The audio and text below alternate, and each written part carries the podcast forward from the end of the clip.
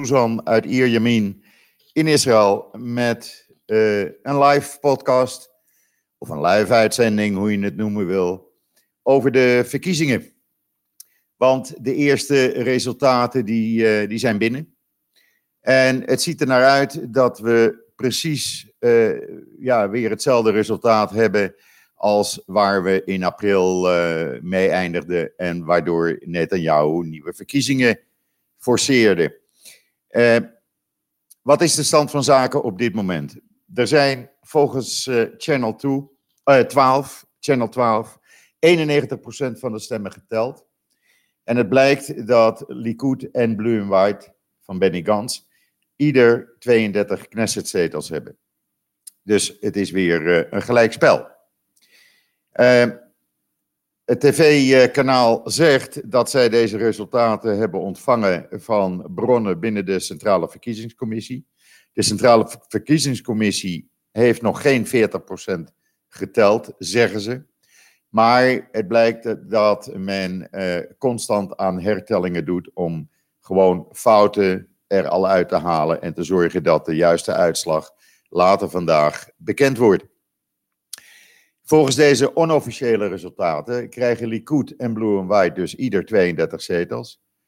De Arabische Joint List krijgt uh, eh, 12 zetels, maar zou wel eens kunnen eindigen op uh, zo'n 15 zetels. Shas en uh, Lieberman, Israël Betenu, krijgen ieder 9 zetels. De orthodoxe partijen United Torah Judaism krijgt acht zetels. De rechtse Yamina-partij zeven. Labour krijgt er zes. En het andere uh, linkse partij, Democratisch Kamp, zou vijf zetels krijgen. Um, wat opvalt is dat de extreem rechtse, racistische Otsma Yehudit niet in de Knesset komt. Daar zijn een heleboel mensen echt blij mee. Want uh, ja, die hadden natuurlijk net aan jou aan een uh, krappe meerderheid kunnen helpen. Maar dat, gaat, dat feest gaat uh, voorlopig althans niet door. Als je dus het rechtse blok bij elkaar zou tellen, dan zouden die ongeveer 55, 56 zetels kunnen halen. Als je Blue and White met de linkse partijen en de Arabische Joint List bij elkaar telt, dan komen die ook uit op 55, 56 zetels. Lieberman, met zijn Israël Beteno, heeft er negen. Uh, die kan dus ieder blok aan uh, een meerderheid helpen. Maar wat is het uh, probleem? Heel in het kort komt het op het volgende neer. Um, mocht u mijn hond horen, die wil zich er ook mee bemoeien. Maar ja, het is een live uitzending, dus ik kan daar niets aan doen. Blue and White zegt, wij willen best een uh, regering, een uh, eenheidsregering, unity uh, government, met Likud, maar dan zonder Netanyahu. Dan zou Likud dus Netanyahu aan de kant moeten schuiven en een ander naar voren moeten schuiven. Lieberman zegt, ik wil best een unity-regering met Blue and White en Likud, maar dan zonder de Arabische partijen en zonder de orthodoxe, ultra-orthodoxe partijen. Dus ja, eigenlijk ben je in een, in een padstelling. Waar hangt het nou op? Het hangt er nu op uh, als de eindresultaten bekend zijn. Of dit gaat veranderen, dit resultaat. Zo niet, dan is de beslissing aan president Rivlin. Die gezegd heeft, ik ga alles op alles zetten om te zorgen dat er geen uh, derde verkiezingsronde komt. Dat betekent dus dat of hij moet de boel forceren en zeggen, nou weet je wat, Benny Gans, ga jij maar een, eh, proberen een regering bij elkaar uh, te sprokkelen. Uh, Lieberman, die speelt zijn rol ja, uitstekend eigenlijk. Hij verscheen vanmorgen buiten zijn huis in de settlement nog die in de Westbank. Om de verzamelde pers toe te spreken.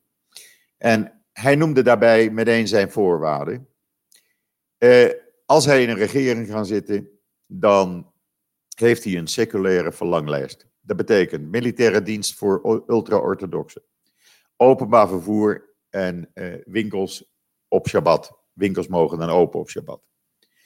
Uh, Hij wil ook dat, uh, wat betreft het onderwijs, er meer reken, reken hoe noem je dat? rekenen wordt gegeven. Ehm, dat, dat blijft een beetje achter in Israël. En hij wil ook dat minder orthodoxe, ultra-orthodoxe onderwijslessen worden gegeven. Dan zegt hij op hetzelfde moment eigenlijk over de ultra-orthodoxe partijen het zijn geen vijanden, het zijn uh, politieke rivalen. Maar hij blijft zeggen: ik wil niet met ze in een regering zitten.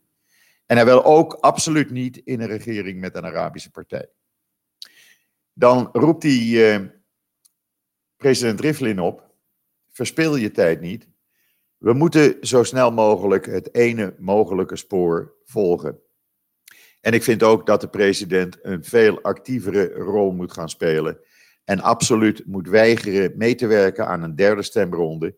Zoals Netanyahu uh, al heeft laten blijken dat hij, uh, ja, als het hem niet lukt, die kant uit wil.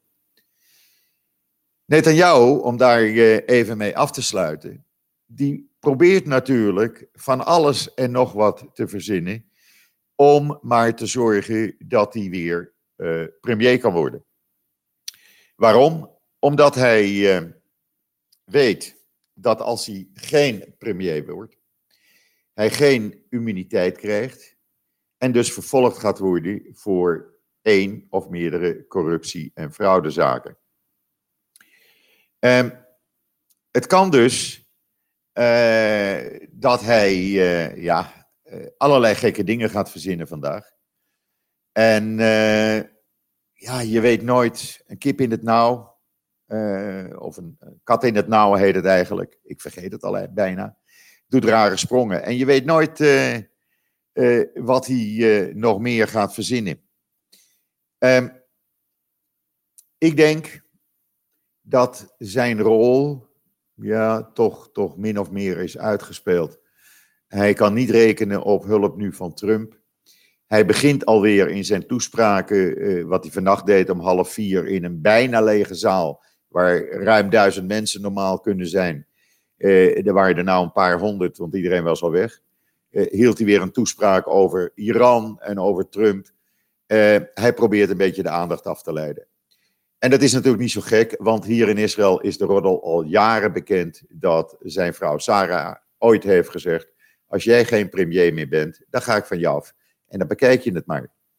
En daarnaast uh, dus een mogelijke scheiding, plus het feit dat hij uh, voor de rechtbank moet verschijnen en mogelijk eindigt in de gevangenis. Ja, dat, dat wil hij natuurlijk op allerlei mogelijke manieren voorkomen. Dat was even de update. Ehm, ik zal later vandaag mogelijk nog een, een live update doen. Het hangt er vanaf van de situatie. Zo niet, dan hebben we de reguliere podcast die ik gewoon in de loop van de middag ga, op, ga opnemen. Wat ik wel doe, is constant op joods.nl eh, alle updates geven die er zijn. En u op de hoogte houden via joods.nl van wat er op deze enorm belangrijke dag voor Israël allemaal speelt hier in het land. Want dat het een enorme belangrijke dag is, daar is iedereen het over eens. Dus we gaan kijken wat er strakjes in de komende uren allemaal gaat gebeuren. Ik blijf u uh, constant op de hoogte houden, dus maak